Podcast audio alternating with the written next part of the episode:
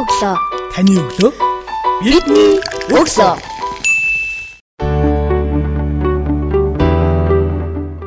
Сонсогч танд шинэ 7 өдрийн өглөөний мэндийг хүргэе. Миний өглөө сурал подкастын 141 дахь дугаар сонсогч танд хүрч байна. Удаагийн дугаартаа бид Монголын гэр бүлийн сайн сайхны нийгэмлэгийн төв аймаг дахь өсвөрийн эмч клубын сурагчтай ярилцаж байна. За тэгээд э, өглөөний мэндийг хоёр зочиндоо хүргэе. Бидний сонсож байгаа нийт сонсогчдоос өөрсдөө дэлгэрэнгүй танилцсан. Сайн байна уу наваа мөх төрөл гэдэг. Би хүмүүн цэцэлбэр ахлах сургуулийн 11 ангид одоогоор суралцдаг Төв аймгийн өсвөр эмч клубын 2 дугаар багийн ахлагч гэж явдаг. За сайн байна уу? Намайг Холон гэдэг. А Төв аймгийн өсвөрийн клубын итгэдэн гишүүнээр юм. Да. Та хоёрын өглөө юу н хэрхэн яаж эхэлдэг вэ? Ер нь бол тэгэл нөө хичээл гээл тэгэл хүн унтаал тэгэл өглөө ер нь нойрмогд бол эхэлдэг те. Холон хувьд. Адилхан хичээл ном гэж хэлсэн дээ. Өдрийн төлөвлөлтөд өсвөрийн сурагчдын хувьд хэрхэн яаж хөтэлдэг вэ? Календар, хонлын хөтэлж гин үү? Эсвэл тэмдэглэлийн дэвтэр дээр бичиж тэмдэглэж гин үү? А миний миний хувьд болохоор тэмдэглэлийн дэвтэр дээр нь маргааш их юмнуудаа төлөвлөдөг. Тэгээд зарим нь болохоор тэр нөгөө төлөвснөөс багтдаггүй нь бол. Миний хувьд болохоор миний хичээлийн хуваарийнхаа доор өдөртөө их давтлага сургалт мургалтуудынхаа цаг хуваарийг бичиж тэр. Да. Клубийнхаа үйл ажиллагааныхаа тухай дэлгэрэнгүй мэдээллийг үе тэнгийн сонсогч найзуудтай хүргүүл. Аа за манай өсвөр хэмжээнд болохоор 2019 онд ер нь 3 дугаар үе ээлж гэсэн үг. Тэгээд ер нь 2019 оны 10 сарын 31-нд үеийнгийн сургагч бэлтгэх сонгон шалгаруулалт явагдаад тэрнээсээ хүүхдүүдээ сонгон шалгаруулад тэгээд үеийнгийн сургагч гэсэн сертификат буюу 2 өдрийн нөгөө хичээл гэсэн үг. Ер нь бол тэрэнд бүртгүүлээд одоо нөгөө сургалт сурагдаад тэгээд одоо хүртэл ингээ 35 гишүүнтэй явж байгаа. А манайх болохоор эрүүл мэнд а эрүүл мэндийн зөвлөгөө болон нөө нөхөрч эрүүл мэнд олгох бас дур ажил хийх зорилготой явдаг. Хэддэг жилдээ клубийнхаа үйл ажиллагаанд зөвхөн оролцож байгаа. А би өөрөө нөгөө сонгон шалгуулалтанд тэнцээд ер нь бол 2019 оноос хойш 3 жилдээ ингээд явж байгаа. Төгсөн төгслөл Ер нь тийм. Аха. Гол төлөв э, яг нийтлэг зохион байгуулдаг үйл ажиллагааныхаа талаар мэдээлэл хүргүүл. Манайх болохоор жил болгоо ер нь 2019 оноос нөгөө жил болгоо нэг ном нэг шилээд үйл ажиллагаа зохион байгуулдаг. А бас нөгөө тогтой тэмцэх өдөр буюу 12 сарын 1-нд бас нөгөө нэг а чихрүү бэлгэвчүү гэд бас аян өрнүүлэг. А тэр нь болохоор ер нь хүнд одоо нөгөө нөхөрч эрүүл мэнд буюу энэ албан газараа явж асуулт асуугаад а тэрэндээ зөв хариулсан хүнд нь чихэр өгөө буруу хариулсан хүнд нь соёлтой гоор ингээд бэлгэвчээг өгдөг байгаа. За үйл ажиллагаанд идэвхтэй оролцоод явхад яг өөрт практик сурч авсан ур чадвар мэдлэг ойлголтуудаа бусад найзуудтай холонгийн хуваалцал. Анх ороход нөө нэг ганцхан нөхөн үржихийн талаар л мэдлэг сургалтууд явагдана гэж утсан. Сайн дур үйл ажиллагааг нь сайн мэдээгүй. Тэгээ орсныхан дараа сайн дур үйл ажиллагаа хийхэд хүмүүстэй амар ойрхон харьцдаг болоо. Тэгээд Бусад өөрийгөө илэрхийл тал дээр а хөгжсөн гэж хэлж байна. Аха. За харин мөнгө төрөлхийн хувьд А миний хувьд ер нь өөрийгөө би ер нь амар дож юм төгтөөсөн. Ер нь 7 дугаар ангиас эхсүүлээд. Тэгээ 9 дугаар ангидаа шонгон салгуулалтанд тэмцээд тэгээд ингээ бэлтгэдээ явсны дараа ур чанууд хүмүүстэй харьцах ур чадвартай болж чадсан, багаар ажиллах чадвартай болж чадсан, бусдад өөрийгөө товч буй тодорхой танилцуулдаг болж чадсан. Аа тэгээ ямар ч хүний асуултанд хариулж чадхаар болж чадсан. Ер нь бол багаар ажиллах ур чадвартай болсон гэж бодож байна.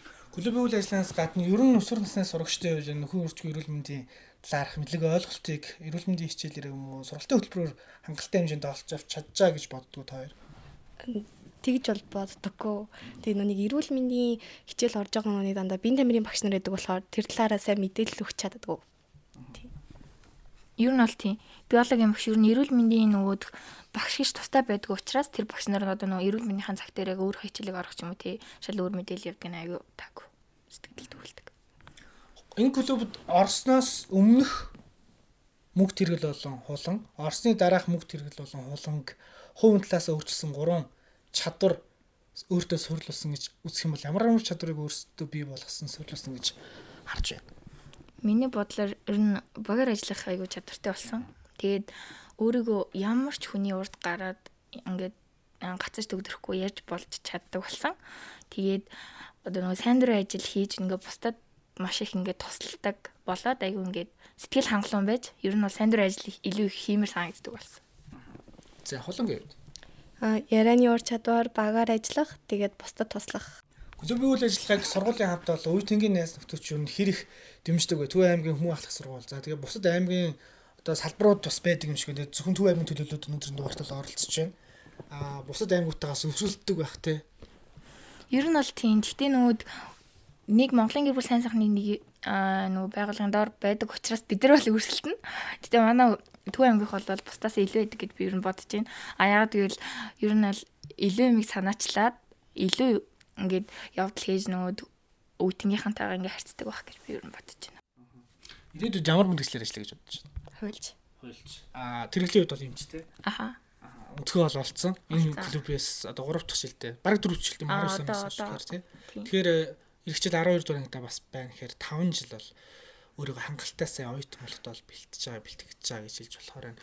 Үе тэнгийн найзуудтай хандаад тодорхой нэг асуудалд төсөл хөтөлбөр хэрэгжүүлэх нийгмийн хүмүүнлэгийн салбарт ажиллахад яг юм хоёр талын ойлголтууд байгаад байдیں۔ Иргэний нийгмийн оролцоотой ч гэдэм бусад залуучуудаа нөлөөлөлтийн анхаарлаа хаднуулах гэхээс илүү нэг зүйлдээ төвлөрөх хэрэгтэй. Олон юм хөөцөлжөө талентчгүй хоцорчихгүй. Н хоёр дулаа хөөсөн хоосоо хоцорно гэл эцэг эхийн зүгээс ч гэдэн жоохон нэг тиймэрхүү баригдмал хариултуудыг бол өсвөрийн сурагчид маань бидэнд өгдөг л төө.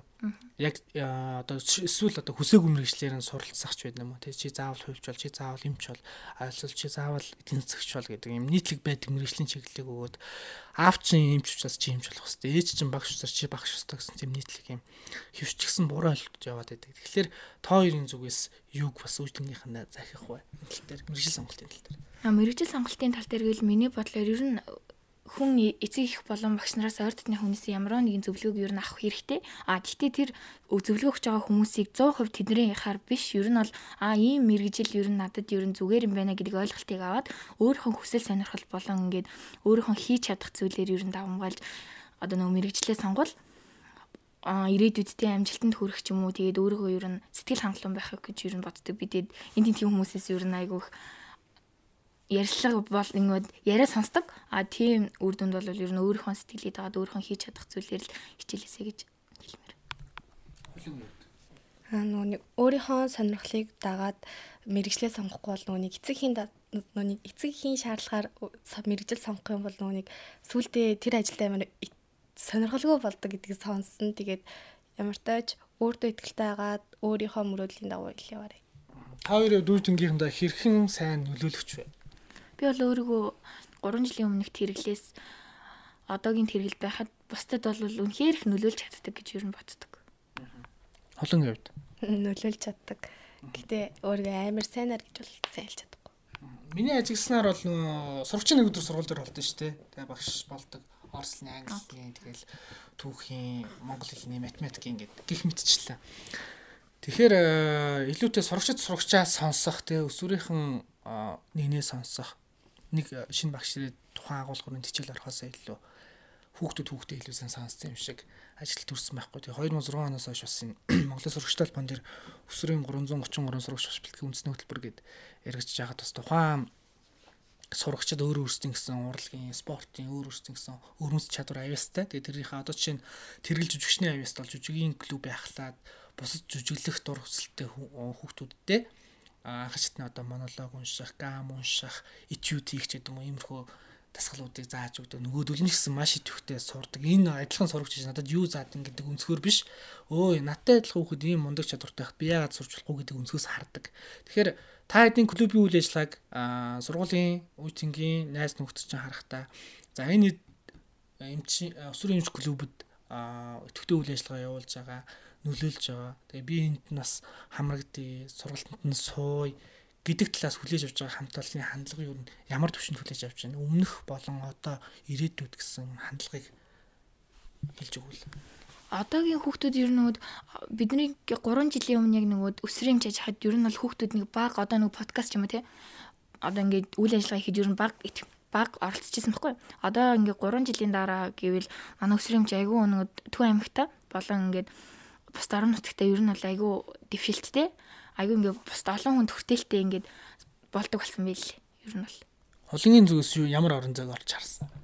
Аа нэг 3 жилийн өмнө гэхэд өсвөрийн эмч гарч байхад нөгөө хүмүүс хүүхдүүд тэр үед нэг амар сонирхолтой гэж үзэж байгаагүй.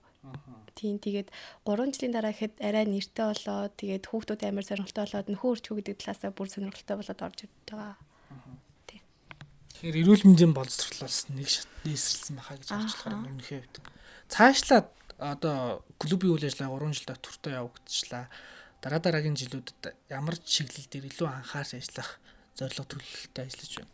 Ер нь бол одоо нөхөрчгүй эрүүл мэндийн боловсролыг ингээд багхан ч гэсэн олж авч байгаа. Гэхдээ бидний мэдэхгүй бас одоо нэг гэр бүл төлөв ч юм уу тий сонсож байгаа ч гэсэн ер нь бол цаашдаа бидний мдээгүй сонсоог үзүүл зөндөө байгаа. Тэгээ тэрнээсээ суралцаад бас ингээ бусдаа ингээ хүртээлтэй. Мөрөөдөлтөд хүрэхийн төлөө одооноос яаж суралцж байгаа та хоёрын хувьд? Аа хичээлээсээ ээж байгаа мэрэгжлийнхаа чиглэлээр янз бүрийн сургалтанд хамрагдаж подкаст, радио сонсч байгаа. Миний хувьд аа 2 жил ковид гээд гэртээ хүндх хугацаанд байсан. Тэгтээ нөгөө зарим хүмүүс гэртээ нөгөө байсаад ер нь өөрийг ингээд хүүхдийг ингээ хаа сорж боловсрал дээр нь хааж байгаа. А миний хувьд бол өсрийн хаимчтэй болон отхон лаг багштайгаа хариуцсан багштайгаа ингээ хамтдаа онлайнаар их зүйл хийсэн гэж боддог. Онлайнаар нөгөө тийм сургалтанд суугаад тийм болохоор ер нь бол би ер нь өөрөө сургалт болон лекцэн амар сонсох дуртай юм баггүй. Тэгээд ер нь цаашдаа одоогоор ч юм уу лекц сонсоод тэгээд ингээ бусдтайгаа харилцаад ер нь байж байгааг хэлж чадна. Та хоёрын өөрсдийнхөө хамгийн сайн нөлөөлөгч хүмүүсээ нэрлэж ямар хүмүүсээс илүү их үлгэр дуурайл авч урам зориг авч үлгэрлэж цааш цаашдынх одоо зорьсон мөрөөдлөхийн төлөө шат шатаар алхаж байгаа. Аа ямар тааш түрүүнд нь болохоор манай клубын багш Отгон лав багш байгаа. Тэгээд дараа нь болохоор багада нөгөө нэг жоохон муу исэн ч гэсэндээ том болоод алдартай болсон хүмүүс байдаг шүү дээ. Тэр хүмүүсийн ярианаас нь сонсож урам зориг авдаг. А миний бодлоор ер нь хамгийн түрүүнд клубын багшууд ирсэн атганлаг багш байгаа. Аа тэгээд ер нь үе үеийн ингээд хөгшин мөртлөө одоо ингээд ажилласаа гарсан мөртлөө эмчнэр байдаг. Тэр хүмүүсийг харахаар бүр үнэхээр ингээд бахархмаар өөртөө ингээд хөгшин ингээд ажилласаа гарах хугацаанд болсон байгаа шүү дээ. Тэгсэн мөртлөө ингээд хүний төлөө гэсэн сэтгэл гаргаад өдөө хүртэл ингээд ажиллаж байгаа эмчнэрийг харахаар ингээд амар бахархдаг. Бусад найзуудыгаа ямар байгаасаа гэж хүсдэг вэ? Үеийнгийн найзуудаа а бусдаа гой үлэг дуурайлтай тэгээд янз бүрийн юм уу бодол санаа байхгүй байгаас л гэж боддог та. Үйтингийн нэрлэлтгүү. Тэгээд бусдаагаа сонсдог. а сонссон зүйлээ өөрөө яг цочтой авдар гэж ярьдаг. Тэр шиг хадгалаад тэгээд бусдтайгаа ингээд чөлөөтэй ярилцаад тэгээд хөрч эрүүл мэнд ер нь бол мэдлэгтэй байгаасаа л гэж хүсэж байна. Багхан гэсэн мэдлэгтэй байвал хүн амьдрал дээр гарахад бол үнэхээр том хэрэг болдог байх. Ер нь бол өсвөр үеийнхнийгаа хүүхдүүдээ томчууд юу хэрэг сонсож байна. Та хоёрын та хоёртой ярилцахад, та хоёрыг сонсоход цагийг хангалттай хэмжээнд зарцуулж гин гэж үзэж байна. Эсвэл хангалтгүй байна гэж бодож байна. Хангалтгүй байна гэж бодож байна. Тэгээд ингээд наа захын үерхэл нөхөрлийн талаар ярихад ингээд зарим аав ээж нар нь ингээд ичиж мичээд ярихгүй цаашаа гэх мэт асуудал амар их гардаг.